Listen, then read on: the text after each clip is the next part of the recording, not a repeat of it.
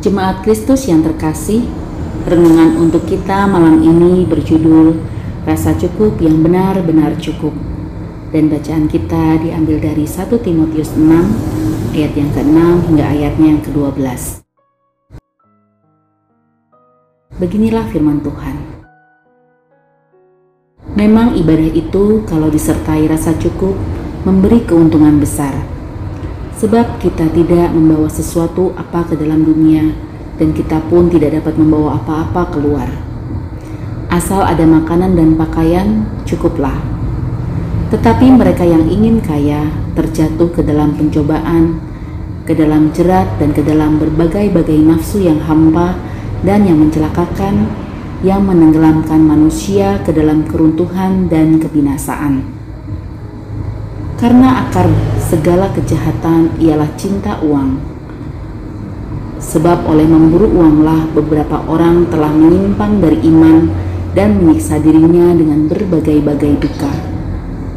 Tetapi engkau, hai manusia Allah, jauhilah semuanya itu, kejarlah keadilan, ibadah, kesetiaan, kasih, kesabaran, dan kelembutan Bertandinglah dalam pertandingan iman yang benar dan rebutlah hidup yang kekal.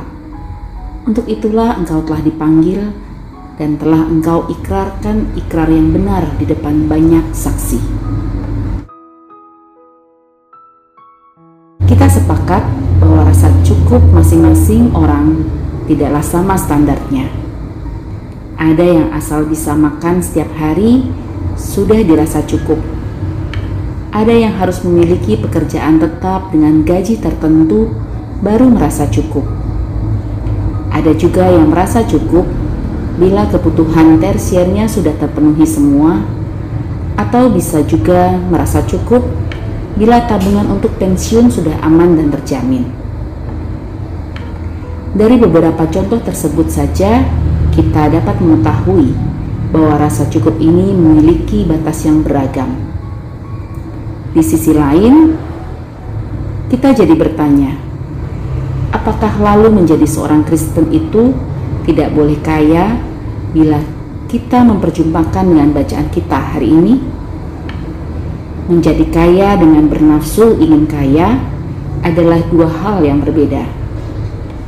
Menjadi kaya bisa kita miliki bila memang Tuhan memberkati kita dengan pekerjaan atau usaha yang baik dan kita menjalaninya dengan benar dan bertanggung jawab di hadapan Tuhan.